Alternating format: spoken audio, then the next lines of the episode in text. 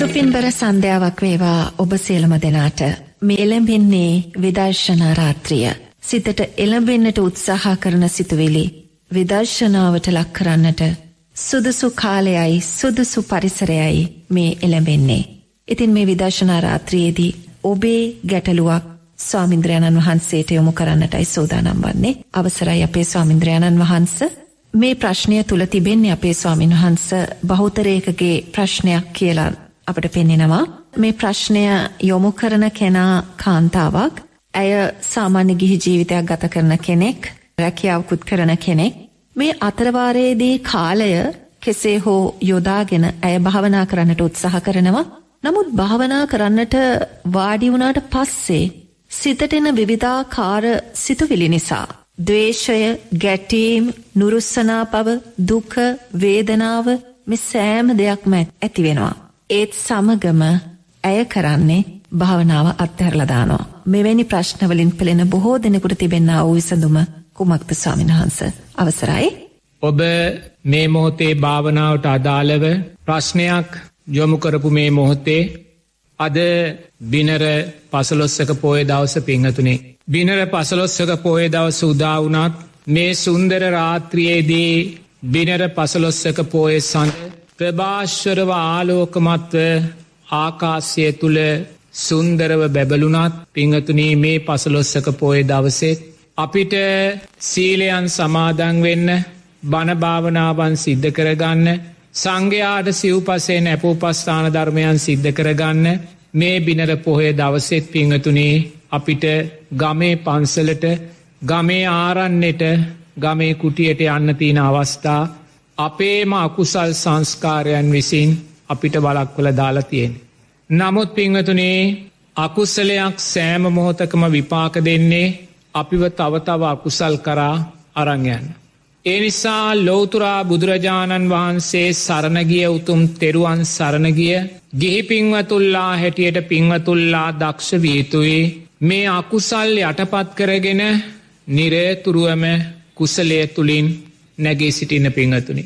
එනිසා සුන්දර අවස්ථාවක් මේ බිනර පුරපසලොස්සක පෝය අවස්ථාවේදී මේ රාත්‍රියයේදී මේ සුන්දර විදර්ශනාමය රාත්‍රියයේදී ඔබට අවස්ථාවක් තියෙනවා පිංහතුනේ අපි තුළ තියෙන්න්න වූ යම් අකුසල් ධර්මයන් තියෙනවනං ඒ අකුසල් ධර්මයන් යටපත් කරගෙන අපිට නැගී සිටින්.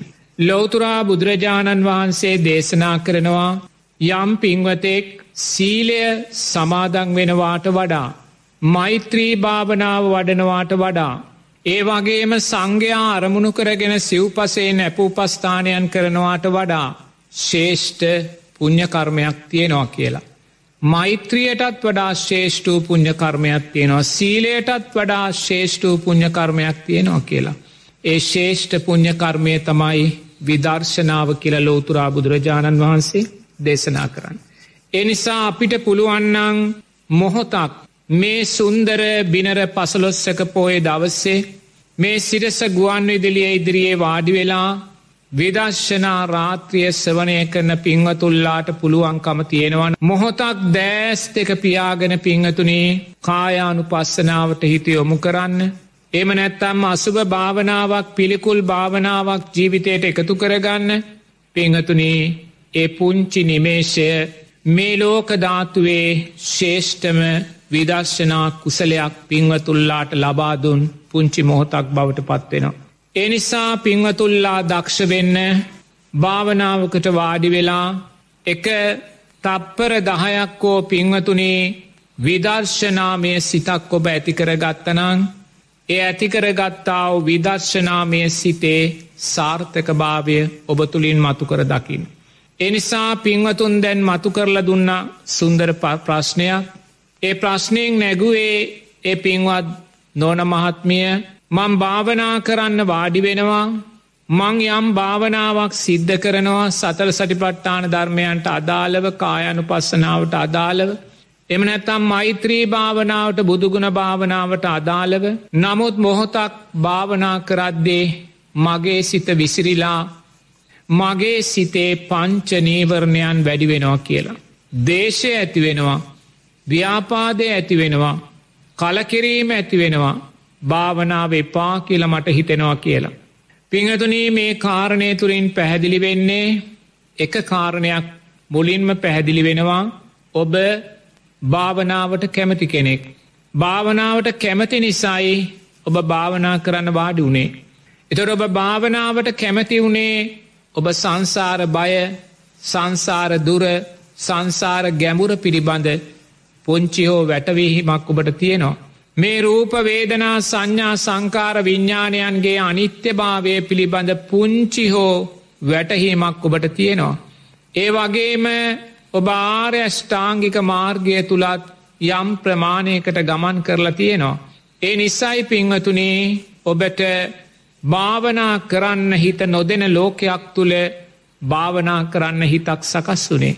එම භාවනා කරන්න හිත සකස් වෙලා ඔබ එරමිනිිය ගොතාගෙන වාඩි වුණත් ඔබේ හිතේ දේශය ඇති වෙනවනං ව්‍යාපාදය ඇති වෙනවනං ගැටෙන හිත් ඇති වෙනවනං ඒකෙන් පැහැදිලි වෙන්න පිංවතුනේ ඔබේ ආර්යෂ්ඨාංගික මාර්ගයේ ශක්තියේ දුර්වල භාවයයි ඒක තේරුම් ගන්න ඕනේ.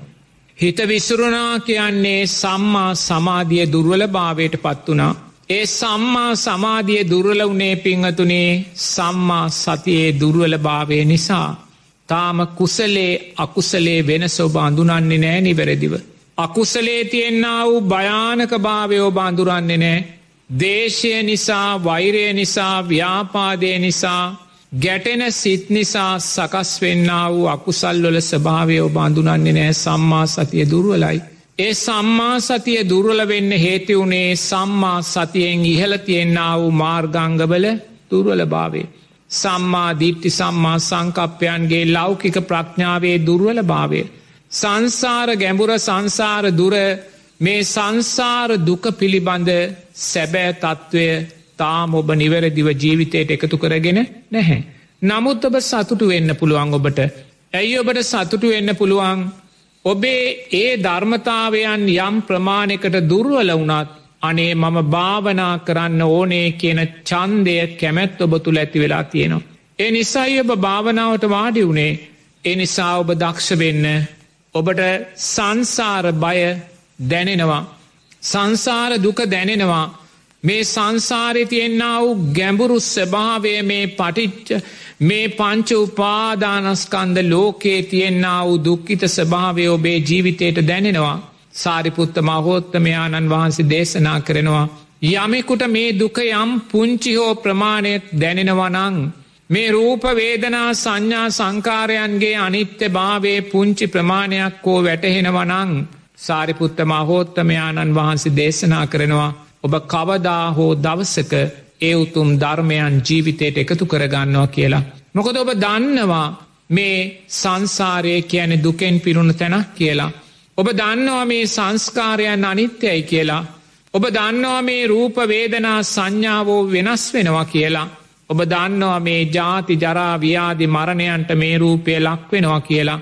ඒ නිසයි භාවනා කරන්න ඕනෙ කියන චන්දය ඔබ තුළ සකස් වනේ පිංහතුනේ එනිසා ඔබ අවාසනාවන්ත නැහැ.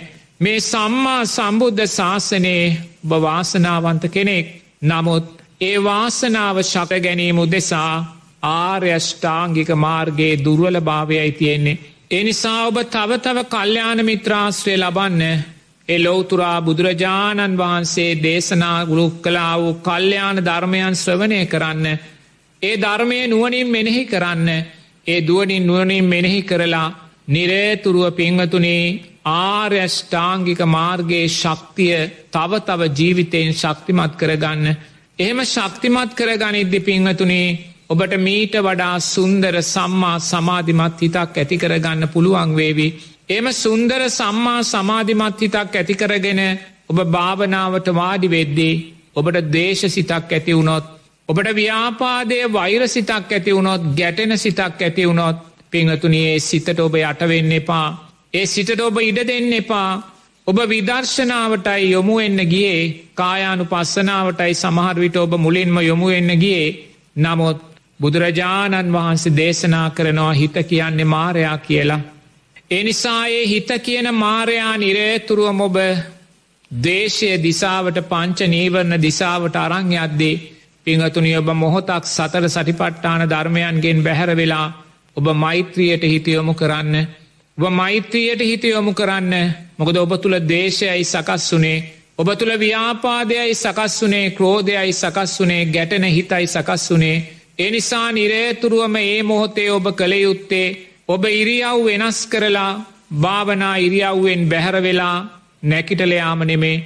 එනිසා හිත කියන්නේ මාරයා ඔබ දක්ෂවෙන්න ඕනේ. මාරයාගේ හිස අතගාලා අනින ටොක්කෝ බානින්න පිංහතුනි. එනිසා විදර්ශනාව මොහොතක්කේ මොහොතේ අමතක කරලා හොඳයි හිත ඔබ මට භාවනා කරන්න දෙන්න නැත්තං. ඔබ මගේ හිත විස්සරෝනවනං ඔබ මගේ හිතේ දේශය ඇති කරනවනං වෛරය ඇති කරනවනං ක්‍රෝධය ඇති කරනවනං මම මෛත්‍රියයට යනවා. මං මෛත්‍රියයට යොමු වෙනවා මං භාවන අරමුණෙන් බැහැරවෙන්නෑ මං මාර ධර්මයන්ට මේ හිතට අටවෙන්නේ නැහැ අන්න පිංහතුනයා විදර්ශනාවෙන් මොහොතක් ඈත් වෙලා දැන් අර දේශ සිතටයා යටවෙන්නේ නෑ. ඒ වෛර සිතටයා යටවෙන්නේ නෑ. ඒ පංච නීවරණ සහිත හිතටයා යටවෙන්නේ නෑ. යා දෑස් පියාගෙන මෛත්‍රිය වඩනවා පිංහතුනි. මෛත්‍රිය කියන සුන්දර ධර්මතාවයක්. බුදුරජාණන් වහන්සේ දේශනා කරනවා මේ ලෞකික සැපයන් ලබා දෙන ශේෂ්ඨම පුං්ඥකර්මය මෛත්‍රියයි කියලා. මෛත්‍රී ආනිසන්සේ කොනව පිංහතුනි? මේ කොරෝනා අකුසලය බලවත් ආකාරයෙන් විපාකට දැවිල්ලා රෝගීභාවයන් සකස් වෙලා මරණබිය සකස් වෙලා තියෙන මොහොතේ පිංහතුනි ඔබේ ජීවිතය කුසලයෙන් දුර්වල වෙලා තියෙන මේ මොහොතේ පිනෙන් දුර්වල වෙලා තියෙන මේ මොහොතේ පිංහතුනී ඒ උතුම් කුසල් ධර්මයන් පින ශක්තිමත් කරගෙන මේ අකුසලයෙන් නැගී සිටින්න මෛත්‍රියයට පුදුමාකාර බලයක් ශක්තියක් තියෙනවා. ඒ නිසාම බුදුරජාණන් වහන්සේ මෛත්‍රියයට අදාළ ආනිසන්සේ කොළහක් දේශනා කරනවා පිංහතුනි. ශරීරය ප්‍රසන්න භාවයට පත්වෙනවා එක ආනිසංසයක්. නිරෝගී භාවය ඇතිවෙනවා තව ආනිසංසයක්. වසවිසෙන් හානිවෙන්නේ නෑ පිංහතුනී ඒක තවානි සංසයක් නිරෝගී භාවය සකස් වෙනවා. සිහි මුලානොවී මැරෙන්නෑ කවදක්වත්. ඒවාගේ අපි සුගතියකමයි උපදින්නේ. සුන්දරානි සංස ධර්මයන්. එනිසා ඔබට විදර්ශනා භාවනාව වැඩෙන්නේ නැහැ කියලා. විදර්ශනාව වඩන්න අදි දේශයත් සකස් වෙනවා කියලා භාවනාවෙන් බැහැරවෙන්නේ පා පිංහතුනි ඔබ මෛත්‍රියයට හිතයොමු කරන්න දෑස් පියාගෙන තමා තමාට මෛත්‍රී වඩන්න මොකද තමා භාවනාවට වාඩිවෙද්දී දෙයනේ තමා තුළින් දේශය ඇතිවෙනවා.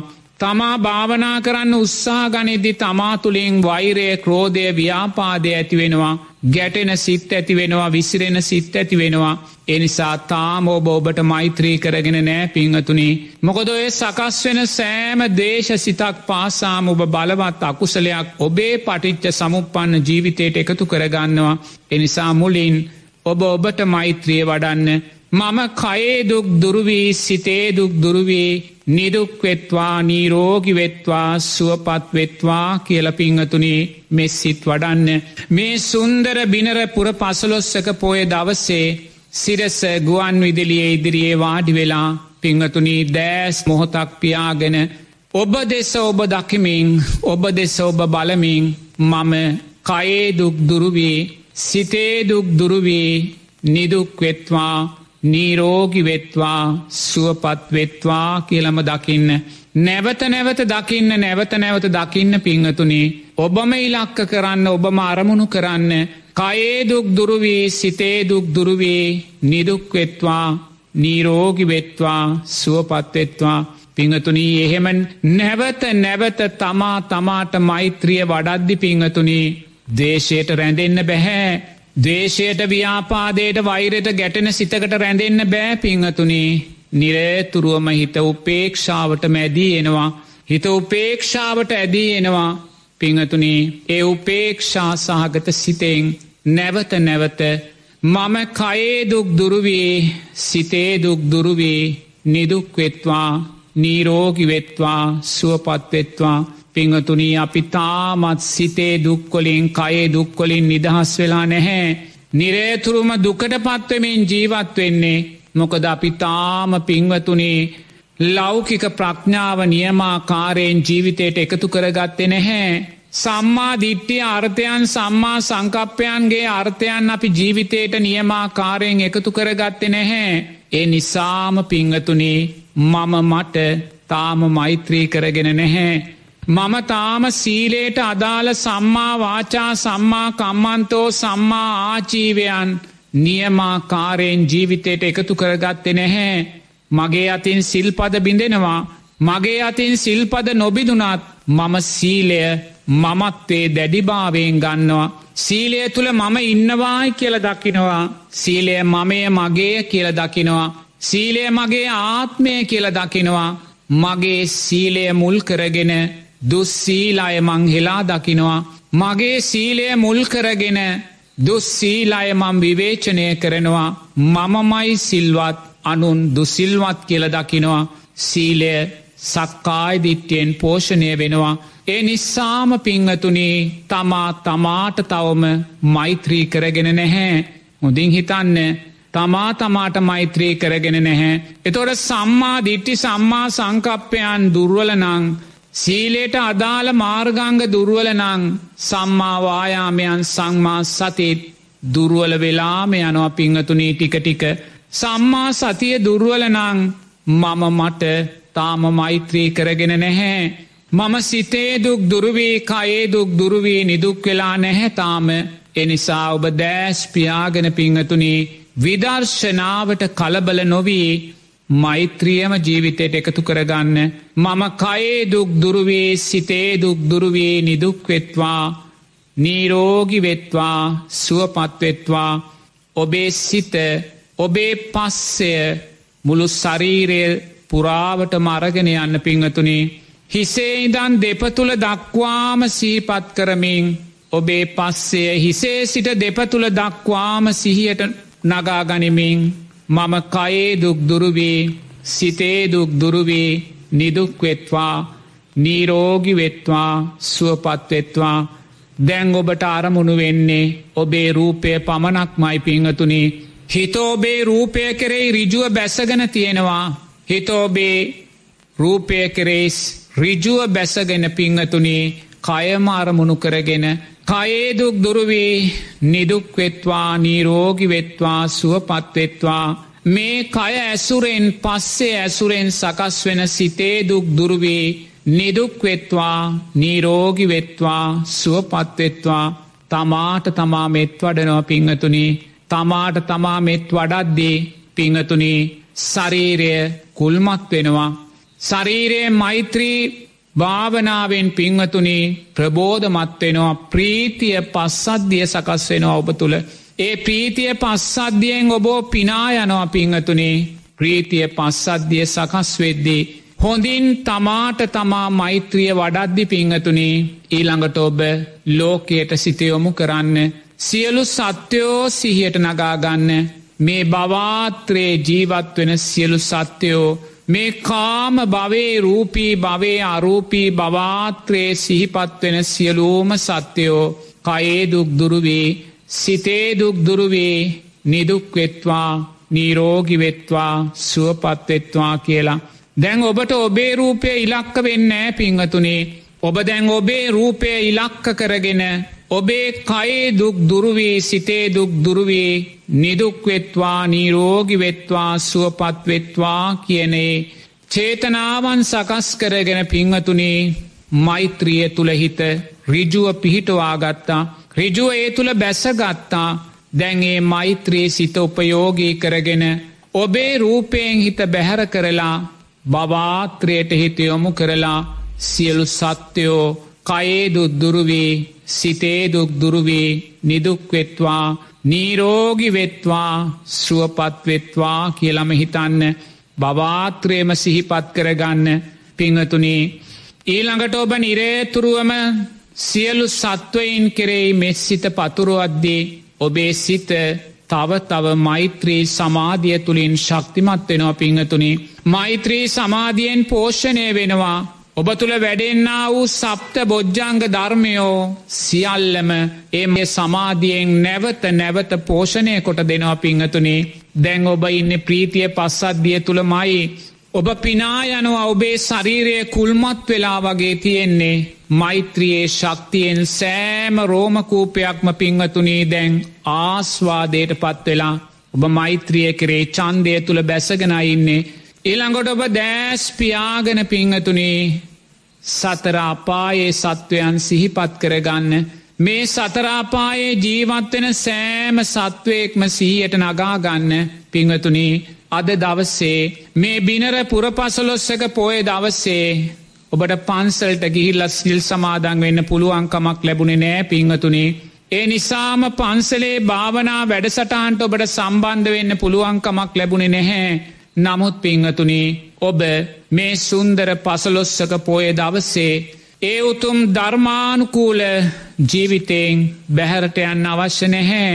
මේ සුන්දර ධර්මතාවයන් ජීවිතයට එකතු කරගන්න තමා තුළින් තමා තමාට මෛත්‍රිය වඩලා ඊළඟට සියලු සත්වයින්ටේ මෙස්සිත පතුරෝලා ආයිමත් දෑස්පියාගෙන සතරාපාය සිහිපත් කරගන්න පිංහතුනේ සතර අපාය කියන්නේ සංසාරයේ මෛත්‍රී නොවැඩුවා වූ සත්වයින්ගේ වාසභූමිය මයිපිංහතුනි මෛත්‍රී භාවනාවට මේ සතරාපාය සුන්දර කමටහනක් වෙනවා.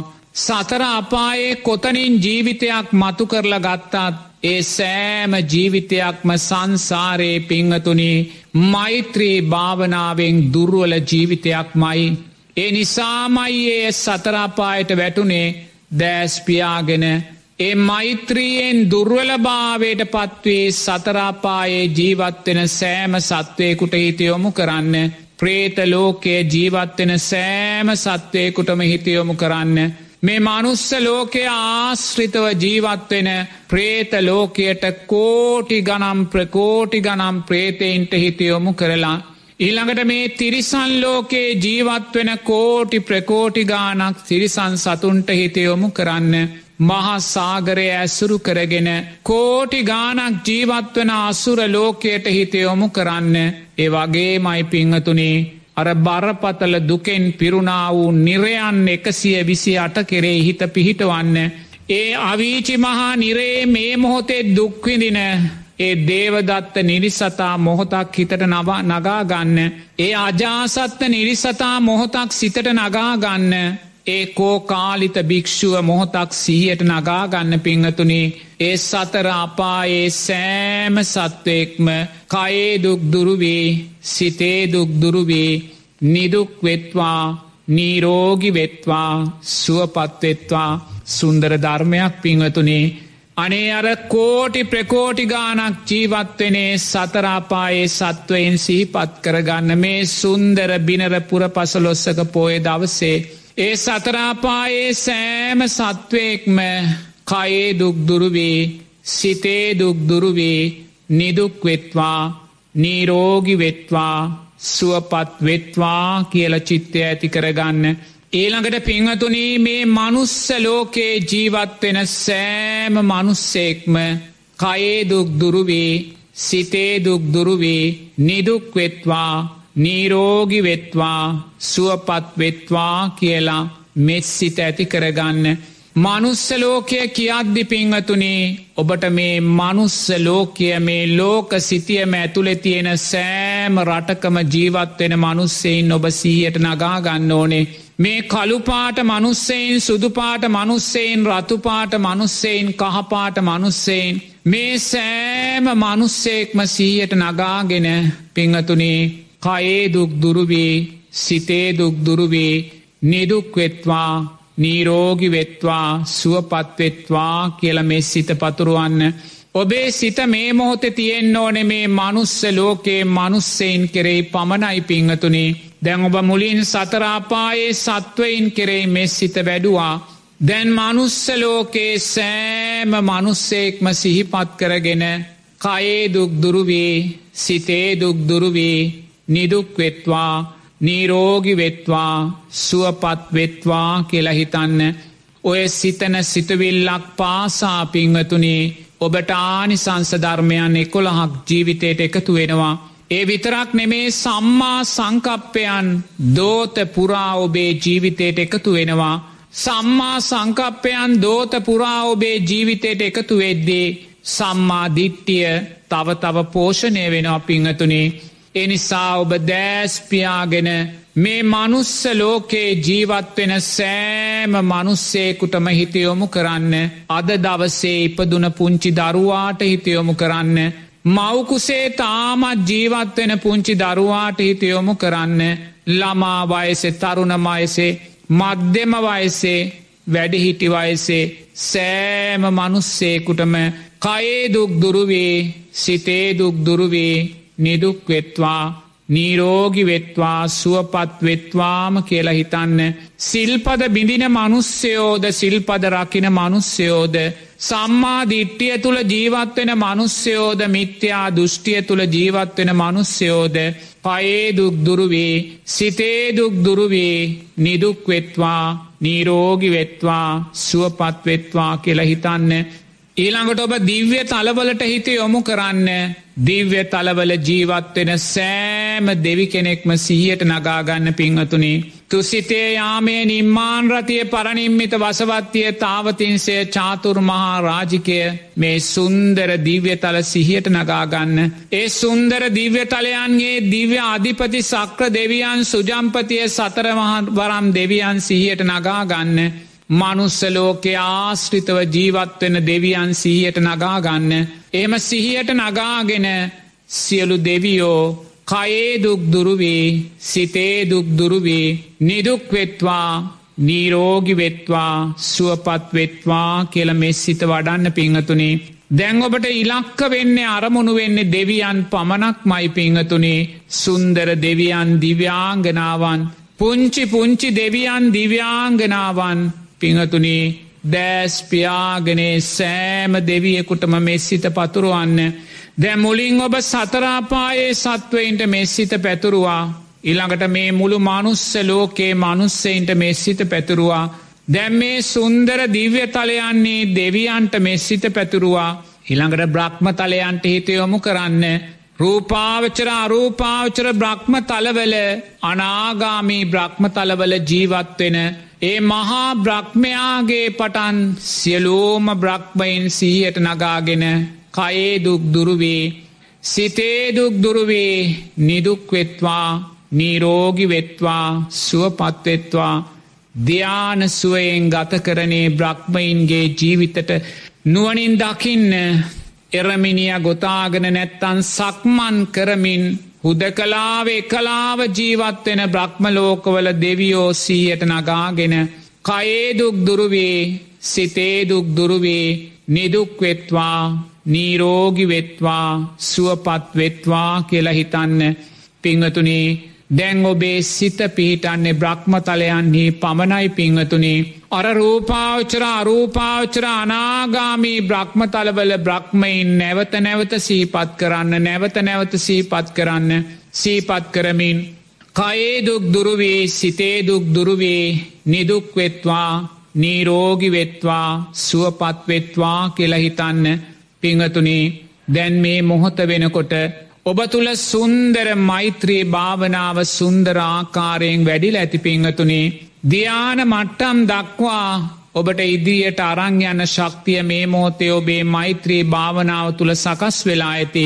ඔබේ සිත ප්‍රීතියෙන් පස්සද්ධියෙන් පිනාගිහිල් ඇති. ඒ නිසාම මෛත්‍රී භාවනාව තුළින්ම සිත සමාධිමත් වෙලා තියෙන්නේ ඒ සමාධිමත් සිත පිංහතුනේ උපේක්ෂාවට බර වෙලා තියෙන්නේ. ඇලීම් ගැටීම් නෑ පිංහතුනේ නිරේතුරුවම දස දිස්සාවේම සත්වයින්ට ඔබ දැන් මෙස්සිත පතුරෝනවා නැවත නැවත මෙස්සිත පතුරුවන්න. නැවත නැවත මෙස්සිත පතුරුවන්න පිංහතුනේ ඔබේ මෛත්‍රී චිත්තය පිංහතුනේ අපි බවාත්‍රයටම මේ මෝතය අරංගිහිල්ල තියෙනවා. මුළු බවාත්‍රේම දස දිසාවේම සත්වයින්ට අපි මෙස්සිත පැතුරුව පිංහතුනේ ඒ මෙස්සිත පතුරුවන්න පතුරුවන්න අපේ තුළ මෛත්‍රයේ ශක්තිය තව තව ශක්තිමත් වෙනවා. දෙවියනේ මුළු සතරාපායේ සත්වයින්ටම සමස්ත මනුස්ස ප්‍රජාවටම සමස්ත දිව්‍ය ප්‍රජාවටම සමස්ත බ්‍රහ්ම ප්‍රජාවටම මෙස්සිත පතුරෝ අධ්‍ය පිංහතුනේ සුන්දර මෛත්‍රයේ ශක්තිය ඔබ ජීවිතයට එකතු කරගෙන සුන්දර ආනිසංසේ කොළහක් ඔබ ජීවිතයට එකතු කරගෙන සුන්දර සම්මා සංකප්පයන් දෝත පුරා ඔබ ජීවිතයට එකතු කරගෙන පිංහතුනේ එනිසා ඔබ කල්පනා කරන්න දැන් ඔබ භාවනාවට මුලින් වාඩි වුණා ඔබේ ප්‍රශ්නය එතනයි තිබුණේ. භාවනාවට මුලින් වාඩියුනේ ඔබ කායානු පස්සනාව වඩන්න සතර සටි පට්ටානය වඩන්න. නමුත් ඔබේ හිතට දේශය මතුුණා ව්‍යාපාදය මතුනා ක්‍රෝධය මතුනා ගැටන සිත් මතුනා ඔබ මෙච්චර දවස නැකිටලා භාවනාවෙන් ඉවත්වීමයි භාවනාව කරේ උකටලීවීමයි භාවනාව කරේ කලකිරීමයි නමුත් පිංහතුනේ ඔබ දැන් දන්නවා සිත කියන්නේ මාරයා කියලා. ඔබ දන්නවා සිත කියන්නේ දුක කියලා. ඔබ ඒක දැකගත්තේ කල්්‍යාන මිත්‍රාශ්‍රය තුළින් සද්ධර්ම ස්වනය තුළින් ඒ සද්ධර්මය නුවනින් මෙනෙහි කිරීම තුළින් දැන් ඔබ එහෙ මාරයාට පිංහතුනේ යටවෙන්නේ නැහැ. මාරයා විදර්ශනාවට යන්න දෙන්න ඇත්තං එයා දක්ෂයි සමතය තුළින් සමාධිමත් හිත ශක්තිමත් කරගන්න පිංහතුනේ මුද මෛත්‍රී භාවනාව අයිතිවෙන සමත භාවනාවකට. එලෞකික භාවනාවක් දැංගයා තමා තමා කරෙයි මෙස්සිත පතුරෝලා මුළු භවාත්‍රයටම මෙස්සිත පැතුරුව පිංහතුනේ මුළු භවාත්‍රයටම මෙස්සිත පතුරුවත්දේ භවාත්‍රය පිළිබඳව විශාල දැනීමක් විශාල දැනුමක් ජීවිතයට එකතු කරගත්ත පිංහතුනේ මොකද අපි තාමත් සමහර පිංවතුල්ලා මෛත්‍රිය වඩද්දේ මම සුවපත්වෙම්මා කියලා ඊළඟට මගේ ගෙදරය සුවපත්වෙම්මා මගේ අසල් වැසියන් සුවපත්වෙම්මා මට දේශ කරනය සුවපත්වෙම්මා කියලා පුංචි සීමාවක් තුළ අපි මෛත්‍රිය රඳවගෙන ඉන්නවා පිංහතුනි. සාරා සංක කල්ප ලක්ෂ ගානක් පිංහතුනි පටිච්ච සමුපන්නව සම්මා සම්බුද්ධ ශාසන ලක්ෂ ගානක් පසුකරගෙනාපු ගමනෙදී. ඔබත් මමත් මෛත්‍රී දියාන ඇතිකරගෙන එර්දියෙන් ගිහිල්ල තියෙනවා පිංහතුනේ ඔබත් මමත් මෛත්‍රී දියාන ඇතිකරගෙන රූපාවචර අරූපාවචර බ්‍රහ්මතලවල කල්ප ගණන් ජීවත් වෙලා තියෙනවා පිංහතුනේ. නමුත්තේ සෑම සංස්කාරයක්ම වෙනස් වෙලා ගියා නිත්‍ය වෙලා ගියා. අපි ඒ මෛත්‍රිය පිරිහිලා අද්‍ය ආයිමත් දේශය ජීවිතයට එකතුකරගෙන සතරාපායන්ට වැටුන පිංහතුනේ. එනිසා ඒසා දීර්ග පුහුණුවක් මෛත්‍රී භාවනාව කරේ අපි තුළ තියෙනවා පිංහතුනේ පටිච්ච සමුපන්නව ඒ නිසා අපි නැවත නැවත මෛත්‍රී භාවනාව වඩද්දේ ඒ පටිච්ච සමුපන්න පුහුණුව පිංහතුනේ සංස්කාරපච්චයා විඤ්ඥාන කියෙන ධර්මතාවය තුළ අපේ ජීවිතවලට ශක්තිමත්ව එකතු වෙනවා. එනිසා අපි මෛත්‍රිය ප්‍රාථමික තැනකට කොටු කරගත යුතු නැහැ. මොකද මේ සම්මා සම්බුද්ධ ශාසනයත් වසර දෙදා සයසීයක් ගෙවිලයි තියෙන්නේ. එනිසා පිංහතුනේ මම සුවපත්වෙම්මා මගේ පවුලේ අය සුවපත්වෙම්මා අසල්වාසයෙන් සුවපත්වෙම්මා මට දේශ කරන වෛර කරන අය සුවපත්වෙම්මා කියලා පුංචි සීමාවක් තුළ ඔබේ මෛත්‍රිය රඳවන්නේ පාපිංහතුනේ තවදුරටත්. ඔබේ මෛත්‍රිය බවාත්‍රයට මාරගෙන යන්න. ඔබේ මෛත්‍රිය පුළුල් කරන්න උපාදාන පච්චයා බවෝ බවපච්චයා ජාතියේ මේ ජාතිය සකස් කර දෙන මේ බවාත්‍රයම ජීවත්වෙන සත්වයින් කෙරෙහි පිංහතුනයේ මෛත්‍රිය තුළින් ඔබේ දැක්ම තව තව ශක්තිමත් කරගන්න. දැන් ඔබ මෛත්‍රී භාවනාව තුළ පිංහතුනේ සුන්දර සප්ත බොජ්ජංගයන් වඩාගත් සුන්දර මනුස්සෙක් එනිසා ඔබ දක්ෂවෙන් ඔබ අහපු ප්‍රශ්නයටයි භික්‍ෂුව මේ පිළිතුරු දුන්නේ. ඔබ ඇහුවේ ප්‍රශ්නය තමයි භාවනා කරන්න වාඩි වුණා සතර සරිපට්ටාන ධර්මයන් වඩන්නයි වාඩි වුණේ නමුත් සිත ඉඩ දෙන්නෑ පිංහතුනේ උගාක් කෙනෙකුට ඔය ප්‍රශ්නය තියෙනවා. භාවනා කරන්න කැමති එයාට දුක දැනෙනවා යාට ප්‍රශ්න දැනෙනවා පීඩාවන් දැනෙනවා. දරුවන් නිසා සකස් වෙන දුක දැනෙනවා රැකියාව නිසා ව්‍යාපාරය නිසා සකස් වෙන දුක දැනෙනවා. මේ රූපය නිසා සකස් වෙන දුක දැනෙනවා දැනුනත් පිංහතුනේ ඒ දැනීම නිසාම භාවනාවට යොමු වනත් ආර්යෂ්ඨාංගික මාර්ගයේ දුර්වලභාවයන් නිසා ඒ භාවනාව ඉදිරියට ගෙනියන්න හිත දෙන්නෑ පින්වතුනේ සිත කියන මාරයා ඉඩ දෙන්නේ නැහැ. මොකදයා කැමති තුෂ්නාවට එයා කැමති ගැටීම් මැලීම් තුළ රැඳීන්න මයි සාංසාරික පුරුද්දේ පැත්තට වැඩී පිංහතුනේ පටිච්ච සමුපන්නව එනිසා දැන් ඔබ දක්ෂ වුණා විදර්ශනාවට හිත දෙන්නේ නැත්තං පිංහතුනේ සමත භාවනාවන් තුළ ඔබේ දක්ෂභාවය ඉස්සරහට අරන්ගිහිල්ලා තව තව ආර්යෂ්ඨාංගික මාර්ගයේ ශක්තිය වැඩි කරගෙන සුන්දර සම්මා සමාධිමත් හිතක් ඇති කරගන්න. අපේ සාමින්ද්‍රයණන් වහන්ස තවත් ගැටලුවක් තියෙනවා පෙර පරිදිම මේ ප්‍රශ්නයෙන් විමසන්නේ ස්වාමින්වහන්ස සමත භාවනා කරන කෙනෙකුට තමන්ගේ සිත ධ්‍යාන මට්ටම් දක්වා දියුණු කරන්නේ නැතිව විදර්ශනාව වඩන්නට නොහැකිද කියන ප්‍රශ්නේ ස්වාමින්වහන්ස. විදර්ශනාව වැඩෙන්නේ නැහැ නේද කියන ගැටලුවයි අපේ ස්වාමින්වහන්ස. මෙහෙමයි පිංහතුනේ ඔබ යොමු කරලා තියෙන ප්‍රශ්නය තමයි යම් පින්වතිකුට උතුම් සෝවාන් සකුරදාගාමි අනාගාමි අරිහත් පලයන්ට පත්වෙන්න අවශ්‍යනං ඒ පින්වතා අනිවාර්යෙන්ම සමත භාවනාවන්ට යොමු වෙලා ධ්‍යානගත හිතක් ඇතිකරගෙනේ ධ්‍යානගත හිතෙන් උතුම් සතර සටිපට්ඨාන ධර්මයන් වඩලයි ඒ උතුම් විදර්ශනාත්මක අවබෝධයන් ලබන්න පුළුවන් වෙන්න කියන කාරණය යොබහන්නේ. පිංහතුනේ ඒ ඔබ නගන්නා වූ ප්‍රශ්නය ධර්මයට එකඟ ප්‍රශ්නයක් නෙමේ. බුදුරජාණන් වහන්සේ කොතනකොවත් ධර්මය දේශනා කළ නැහැ යම් කෙනෙකුට විදර්ශනානුවන ඇති කරගන්න ඕනෙනං ඒ ඇන ආර ප්‍රඥාව ජීවිතයට එකතු කරගන්න ඕනෙනං ආර ඥානදර්ශනයන් ජීවිතයට එකතු කරගන්න ඕනෙනං ආර්ය විමුක්තිය සාක්ෂාත් කරගන්න ඕනෙනං ඒ පුද්ගලයා අනිවාර්යෙන්ම සමත භාවනාව නානාපාන් සති භාවනාව සිද්ධ කරලා ධ්‍යානගත හිත් ඇතිකරගෙනේ ධ්‍යාන මට්ටන් තුළින් තමයි විදර්ශනාවට යන්න ඕනේ කියන කාරණ. එනිසා එබෙනි ධර්මයක් බුදුරජාන් වහන්සේ දේශනා කළ නැහැ නමුත් අතීතයේ වැඩ සිටියා වූ රහතන් වහන්සේලා ප්‍රඥාවිමුක්ත රහතන් වහන්සේ උබතෝභාග විමුක්ත රහතන් වහන්සේ කියල දෙයාකාර වුණා.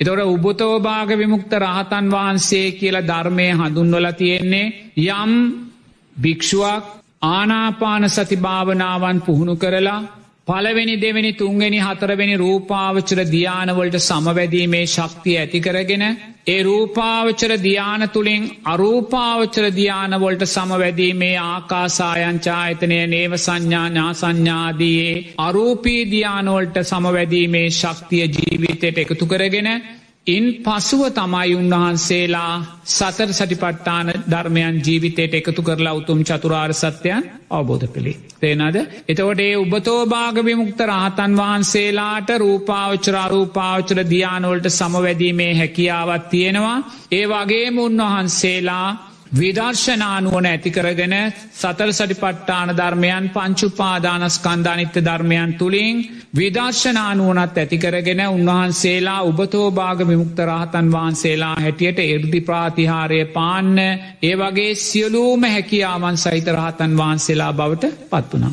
ඒ වගේම ප්‍රඥාවිමුක්ත රහතන් වහන්සේ කියලා ධර්මය සඳහන් වෙන්නේ උන්වහන්සේලාට ධ්‍යාන ශක්තිීන් නැහැ ඒ කියන්නේ රූපාවචර අරූපාවචර ධ්‍යාන ශක්තින් නැහැ උන්වහන්සේලා ධ්‍යාන ප්‍රිය කළේ නැහැ.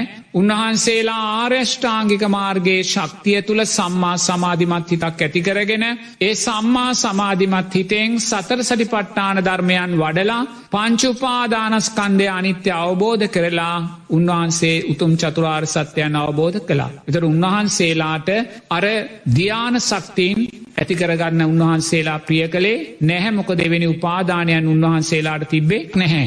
එනම් යමෙක් කියනවනං ආර්ය ප්‍රඥාව ආර්ය ඥානදස්සනාර විමුක්තිීන් නැතිකරගන්න අනිවාර්යෙන්ම සමත භාවනාවන්තුලින් ධ්‍යානය පුහුණු කරගත යුතුයි කියලා ඒක ධර්මයට එකං කතාවක් නෙමේ. එනිසා ඔබ විදර්ශනානුවන ඇතිකරගන්න බලාපොරොත්තු වෙන පින්වතෙක් නං ඔබ ආර්ය ප්‍රඥාව ආර ඥානදර්ශනයන්න ආර විමුක්තිය ඇතිකර ගන්න බලාපොරොත්තු වෙන පින්වතෙක් නං උතුම් සෝවාන් සකෘදාගමි ආදී වූ මාර්ග පලයන්ට පත්වෙන්න බලාපොරොත්තුවයට පින්වතෙක් නං පිංහතුනේ ඒ සඳහා ධ්‍යානගත හිතක් අවශ්‍යවීමක් නැහැ. ධ්‍යානගත භාවනාවන් නොට යොමුවීමේ අවශ්‍යතාවයක් නෑ නමුත් සම්මා සමාධිමත් හිත අත්‍යවශ්‍යයි ඒ සම්මා සමාධිමත් හිත උපයෝගී කරගෙන නිරේතුරුවම කායානු පස්සනාව ජීවිතයට එකතු කරගන්න. එතනයි ලෝතුරා බුදුරජාණන් වහන්සේ මුලින්ම අපිට දේශනා කරන්න.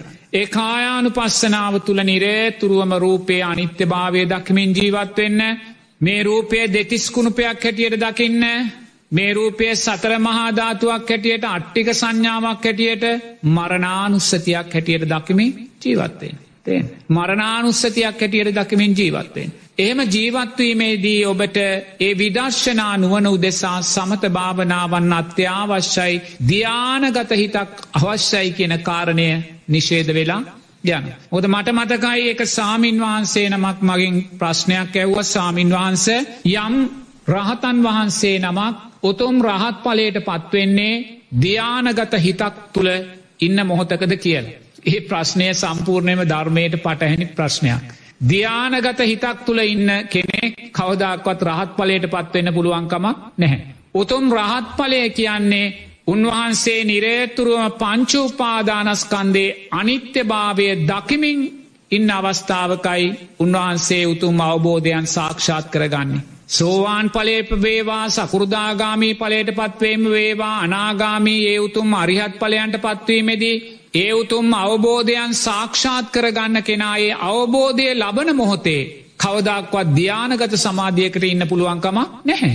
මොකද ධ්‍යානගත සමාධියකද අපි නිරේතුරුවම විචාර විතර්කෝලින් බැහැරවයි සිටින්නේ. පළවෙනි ධ්‍යානෙදි පමණයි අපි විචාර විතර්ක තුළ ඉන්නේ. නමුත් ඉන් බැහැර ගිය තැන විචාර විතර්කයන් අපි තුළ සංසිදිලා එනිසා කොතනකොත් නුවනින් මෙනෙහි කිරීමක් විදර්ශනාත්මක දැක්මක් අපි තුළ සකස් වෙන්නේ නැහැ. එනිසා බුදුරජාණන් වහන්සේ දේශනා කරනවා යමෙක් උතුම් සෝවාන් පලට පත්වනානං එයා තවදුරටත් වඩන්න ඕනේ පංචුපාදානස්කන්දය අනිත්‍ය භාවයයි කියලා. යමෙක් සකෘදාගාමී පලට පත් වනා නංගේයා තවදුරටත් වඩන්න ඕනේ පංචුපාදානස්කන්දය අනිත්‍ය භාවයයි කියලා. එයා අනාගාමී පලට පත්වනා නංගයා තවදුරටත් වඩන්න ඕනේ පංචුපාදානස්කන්දය අනිත්‍ය භාවයයි කියලා. එතකොට යාවුතුම් රහත් පලට පත්වෙනවා කියලා. එනං මේ අවබෝධයන් සාක්ෂාත් කරගන්න සෑම කෙනෙක්ම ඒ අවබෝධයන් සාක්ෂාත් කරගන්න මොහොතේ අනිවාර්යෙන්ම පංචුපා දානස්කන්දේ අනිත්‍ය භාවය නුවනින් දකිමින් තමයින්න. එනිසා කවුරුන්නෝ කියනවනං ධ්‍යානගත හිතකින් තමයි කෙනෙක් අවබෝධය ලබන්න කියලා ඒක ධර්මයට එකක දෙයක් නෙමේ. යමෙක්ගේ අවබෝධය සාක්ෂාත් කරන සෑම මොහොතකම උන්වහන්සේලා පංච උපාදානස්කන්දය නුවනින් දකිමින් විචාර විතර්කයන් තුළ ජීවත් වෙන අය. මං කතා කළේ කායානු පස්සනාව ගැන ඔබ කායානු පස්සනාවට හිත යොමු කරලා ඒ කායානු පස්සනාවෙන් රූපය දෙතිස්කුණුපයක් හැටියට දකින්න සතර මහාධාතුවක් හැටියට දකින්න අට්ටික සංඥාවක් හැටියට දකින්න මරණානුස්සතියක් හැටියට මේ මොහොතේ මරණානුස්සතිී භාවනාව සුන්දර භාවනාවක් පිංහතුනේ මේ බිනර පුර පසලොස්සක පෝය දවසේ පන්සලට යන්න ආරන්නට යන්න අපේ අකුසල් විසින් අපිට වලක්වල තියෙන මේ මොහොතේ රෝගීබිය මරණබිය සමාජය පුරා ලෝකය පුරා පැතිරී යන මොහොතේ පිංහතුනේ මරණානුස්සතිය සුන්දර ධර්මතාවයක්. මේ අකුස්සලයෙන් නැගී සිටින්න මේ මරණ ධර්මයන්ගෙන් නැගී සිටින්න මේ රෝගී ධර්මයන්ගෙන් නැගී සිටින්න පිංහතුනේ සුන්දර කමටහනක් වෙනවා. ඒ වගේම මේ මොහොතේ කොරෝනා රෝගය හැදිලා රෝහල් ගතව නිවෙස්වල ප්‍රතිකාර ලබන අප්‍රමාණ පිරිස්සින්නවා පිංහතුනේ ඒ අප්‍රමාණ පිරිස් අෞෂධ කෙරෙහි විතරක් විශ්වාසය ඇතිකරගන්න එපා. වෛද්‍ය උපදේශයන් කෙරෙහි විතරක් විශ්වාසය ඇතිකරගන්න එපා ධර්මය කෙරෙහි විශ්වාසයක් ඇතිකරගන්න. මොකද කොරෝනාව කියන අකුසලේ පලයක්. ඔබේ අකුසලේ පලේ යටපත් කරන්න නම් කුසලේ පලේ ජීවිතයට එකතු කරගන්න ඕනේ. එහෙනම් පිංහතුනී මරණයට අදාර ධර්මතාවයන් ජීවිතයෙන් මතු වෙද්දී. රෝගී භාවයන්ට අදාළ ධර්මතාවයන් ජීවිතයට මතු වෙද්දී. පිංහතුනේ ඔබ තුළ සතර එර්දිපාදයන් මතුකර දෙන්න දක්ෂ සුන්දර මරණානුස්සතියට මයි පිංහතුනේ. බුදුරජාණන් වහන්සේ දේශනා කරනවා සතර එර්දිපාද ජීවිතයට එකතු කරගත්ත කෙනා කල්පයක් ආයුෂ ලබනවා කියලා. කල්පයක් ආයුෂ ලබනවා. එකැන මේ මනුස්ස ලෝකයේ මනුස්්‍යයා විදින දීර්ඝ ආයුෂ අවුරුදු අසූපහක් අනුවක් අනූපහක් ආයුෂ ලබන්න පුළුවන් එනම් පිංහතුනේ සුන්දර අවෂධයක්. කොරෝනාවට සුන්දර අවෂ්‍යදයක් ඒක ධර්මය විසින් ඔබට ලබාදීල තියෙන බුදුරජාණන් වහන්සේ අපිට කියල දීල තියෙන සතරේර්දිපාද වඩත්දේ අපේ ආයුෂ ශක්තිමත් වෙනවා. චන්දය වීරය චිත්තය විමන්සාාව අපේ ජීවිත තුළ ශක්තිමත් වෙනවා පිංහතුනේ එනිසා ඔබ නිරේතුරුවම සමත භාවනාව තුළින් ධ්‍යානගත හිත් ඇතිකරගෙන විදර්ශනාව තුළිනුයි ඔබ අවබෝධයන් සාක්ෂාත් කරගන්න ඕනේ කියන මුලාවන් තුළට යන්න නැතුව පිංහතුනේ ඔබ ආර්යෂ්ඨාංගික මාර්ගයේ ශක්තියෙන් සම්මා සමාධිමත් හිතක් ඇතිකරගෙන ඔබ සතර සටිපට්ඨාන ධර්මයන්ට යොමු එන්න. එහෙම යොමු වෙලා මේ වර්තමානයේ මේ විපාක දෙන මරණීය රෝගී භාවයන්ට පත්වෙන සංස්කාරයන්ට මුහුණ දෙන්න පිංහතුනේ ඒ ශේෂ්ඨම ෞෂදය වෙන සතර එර්දිපාද ජීවිතයට එකතු කර දෙන මේ සුන්දර මරණානුස්සතිය ජීවිතයට එකතු කරගන්න මරණය ගැන හිතන්න බයවෙන්න එපා පිංහතුනේ මරණයට බිය කෙනා නැවත උපදිනවා මයි එක ධර්මතාවයක්. ඔබ මරණය කරේ බිය පහකර ගත්ත කෙනෙක් නං මේ මරණය කෙරෙයි ඔබට බියක් නොදැනෙන කෙනෙක් නං පිංහතුනේ ඔබ ඔබේ උපත අවම වශයෙන් ආත්ම භාව හතකට කෙටිකර ගන්න දක්ෂභාවය ලැබූ කෙනෙක් බවට පත්වෙනවා. එනිසා මේ මෝතේ ලෙඩ ඇඳේ ජීවත්වෙන රෝහල්ගතව ජීවත්වෙන මට ලෙඩ හැදෙයි කියලා බියෙන් ජීවත්වෙන අප්‍රමාණ පිරිස් සමාජය ඉන්නවා. මේ මොහොතේ මේ සුන්දර බිනර පුරපසලොස්සක පොය දවසේ සිරස ගුවන් විදිලිය ඉදිරියේ වාඩි වෙලා ඉන්න ඔබ තුළත් සමහරවිට මේ මොහොතේ නැතිවුනත් මේ විදර්ශනාමය රාත්‍රිය සවනය කරන්න පෙරාතුව ඔබ තුළත් මරණබියක් රෝගීබියක් පොඩ්ඩක් හෝ තියෙන් නැති පිංහතුනේ නමුත් මේ මොහොතේ ඔබ තුළ පංචනීවරණයන් තුනී වෙලා තියෙන්නේ සුන්දර සප්ත බොජ්ජංගයන් වැඩිලා තියෙන්නේ මරණ බිය පහවෙලා පිංහතුනේ රෝගී බිය පහවෙලා ඔබ ධර්මය තුළ ජීවත්වෙන්නේ. ඔබ බුදුරජාණන් වහන්සේගේ රැකවරණය තුළ ජීවත්වෙන ධර්මරත්නය රැකවරණය තුළ ජීවත්වෙන සංඝයාගේ අනුශාසනාවන් තුළයි ඔබ ජීවත්වෙන්නේ. ඒ නිසාම සප්ත බොජ්ජංගයන් ඔබ ජීවත් කරනවා මේ මෝතේ ඔබ තුළ ශක්තිමත් කරලා දෙනවා. දෑස් පියාගෙන මරණානුස්සිය වඩන්න පිංහතුනේ ඔබේ රූපය මලකඳක් කළ දකින්න ඔබේ රූපය මලකඳක් කළ දකින්න ඔබේ රූපය නිරේතුරුවම පිංහතුනේ මරණයට පත්වනා වූ රූපයක් හැටියට දකින්න. ඒ රූපය අර පොලිතින් නුරේක දාලා අර කාඩ්බෝඩ් පෙට්ටියක අතුරලා අර මනුස්්‍යයෝ හතර දෙනෙක් ඔස්සවගෙන ගිහිල්ලා අරාදානාගාරයකට දාලා පුච්චලදානවා නුවනින් දකින්න පිංහතුනේ. අවසානයේ අලු ටික බාහිර සතර මහා ධාතුවට මුහුවෙනවා නුවනින් දකින්න පිංහතුනේ නිරේතුරුවම මරණා නුස්සතිය තුළ ජීවිතේ ශක්තිමත් කරගන්න. ඔබ මනසින් මැරෙන්න පිංහතුනේ ඒ මලකඳ නුවනින් දකින්න. ඔබේ අසල්වාසීන් මැරිලා ඉන්නවා ඔබ නුවනින් දකින්න. ඔබේ ගම්වාසී සියලූම දෙනා මලකඳං හැටියට මොහොතක් දකින්න. ඔබේ නගරවාසීන් සෑම කෙනෙක්ම මරණයක් කල්ල මලකඳක් කළ දකින්න සමස්ත රටවාසී සියලු දෙනාම පිංහතුනේ මලකදං කල්ල දකින්න දෑස් පියාගෙන මනෝමය රූපයක් ඔබ ඇති කරගන්න. මොකද ඔබේ රූපය දැන් මලකඳක් පිංහතුනේ. ඔබේ මේ ගණ රූපය මලකඳක් ඔබට මේ රූපය දැන් අරමුණු වෙන්නේ නැහැ සියුම් වෙලා තියෙන්නේ. මොකොද හිත පංචනීවරණ තුනී වෙලයි තියෙන්නේ. ඔබේ මනෝමය රූපය තුළින් ඔබේ මලකඳ දෙස ඔබ හොඳින් දකින්න. ඒ වගේම ගමේ සියලු මලකඳන් දෙස නුවනින් දකින්න. නගරේ සියලු මලකඳන් දෙස නුවනින් දකින්න. රටේ සියලු මලකඳන් දෙස නුවනින් දකින්න. දැන් මුළු රටම මලකඳන් ගොඩක් පිංහතුනේ. තැන් තැන්වල විසිරිලා තැන් තැන්වල වැටිලා තැන් තැන්වල කුණු වෙලා තැන් තැන්වල නරක් වෙලා තැන් තැන්වල සත්තු කඩකඩා කන පිංවතුනේ මලකදං ලක්ෂගානක් කෝටි ගානක් ඔබේ රටතුළ ඔබ දකින්න. පිංහතුනේ කොතනැකවත් ජීවත්වෙන මනුස්සෙක් නෑ පිංහතුනේ. සෑම තැනකම මලකඳක් පිංහතුනේ. මරණානුස්සතිය තුළ ජීවත්වෙන්න ඔබේ ජීවිතය මුලින්ම මලකඳක් කරන්න ඒ මලකඳට ඔබ පණ දෙන්න යන්න එපා පිංහතුනේ මොකද ඔබ ගම ගැන හිතද්දි නගරය ගැන හිතද්දි රට ගැන හිතද්දී ඔබේ මලකඳට ඔබ පණ දෙන්න පුළුවන් සිතමාරයා ඔබ රවට්ටෙනවා. ඔබ සියල්ල මලකඳං හැටියට දැකලා ඔබ ජීවත්ව සිටින කෙනෙක් බවට පත්වෙනවා පිංහතුනේ සිතමාරයා සිත දුකයි ඔබට සකස් කල්ල දෙන්නේ. එනිසා ඔබ දෑස් පියාගෙන පිංහතුනේ ඔබ මලකඳක් කරන්න. ඔබ මලකඳක් කරලා මනෝමය රූපයක් තුළින් ඔබ ඔබේ ගම ඔබේ නගරය ඔබේ රට සෑම මනුස්සෙක්ම මලකදන් කොරල දකින්න ඒ මලකඳන් දවසක් දෙකක් තුනක් යද්දී. ඉදිමිලා පුරෝදාල පිංහතුනේ නිල් පාට ගැහිලා කුණුවෙලා ඕජාව ගලනවා නුවනින් දකින්න. ඇස්වලින් ඕජාව ගලනවා කනෙන් ආසයෙන් දිවෙන් ශරීරයෙන් ඕජාව ගලනව පිංහතුනේ. ඒ ඕජාවෙන් මුළු පරිස්සරේම කුණු ගඳ ගහනවා නුවනින් දකින්න. නිල මැස්සන්ගේ මුළු පරිස්සරයම පිරිල නුවනින් දකින්න පිංහතුනේ. ඒ කුණු වෙන මලකඳන් සතුන් නැවිල්ල කාල විනාස කරලදානවා නුවනින් දකින්න. අවසානයේ රටපුරා විසිරිලා තියෙන ඇටකටු නුවනින් දකින්න පිංහතුනේ.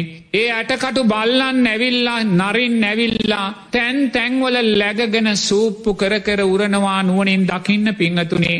අවසානයේ ඒ සෑම ඇට සැකිල්ලක්ම කැඩිලා බිඳිලා විසිරිලා මහපොළොවටම යුහුවෙනවා නුවනින් දකින්න. මහපොළොවටම මුහුවෙනවා නුවනින් දකින්න. ඔබේ මලකඳත් මහපොළවේ පසත් ගම්වාසීන්ගේ මලකඳත් මහපොළවේ පසත්. නගරවාසීන්ගේ මලකඳන් මහපොළවේ පසත්. රටවාසී මලකඳනොත් මහපොළවේ පසත්. එකක් කරල දකින්න පිංහතුනේ මේ අධ්‍යාත්මික රූපය බාහිර රූපයට මුහු කරල දකින්න ඔබ දෑස් පියාගෙන පිංහතුනේ මරණානුස්සතියම තුළ ශක්තිමත් වෙන්න. මේ මහපොළව මේ මහපොළවේ පස පිංහතුනේ සාරා සංක කල්ප ලක්ෂ ගානක් ඈතක ඉදන් ජීවත්වන මනුස්සෙන්ගේ සතර මහා ධාතුවෙන් හැදුනා වූ පසක්ම කියල දකින්න මේ පසත් මේ පසෙන් පෝෂණය වෙන තනකොළ ගහකොළ මේ සෑම දෙයක්මත් අපේ රූපයත් පිංහතුනේ එකම ස්භාවේ සතර මහා ධාතුවක් හැටියට නුවනින් දකින්න රූපය අනිත්‍යයි. රූපය අනිත්‍යයි. රූපය අනිත්‍යයි. මේ සතර මහා ධාතුව පටවියාපෝ තේජෝවායෝ සතර මහා ධාතුව අනිත්‍යයි.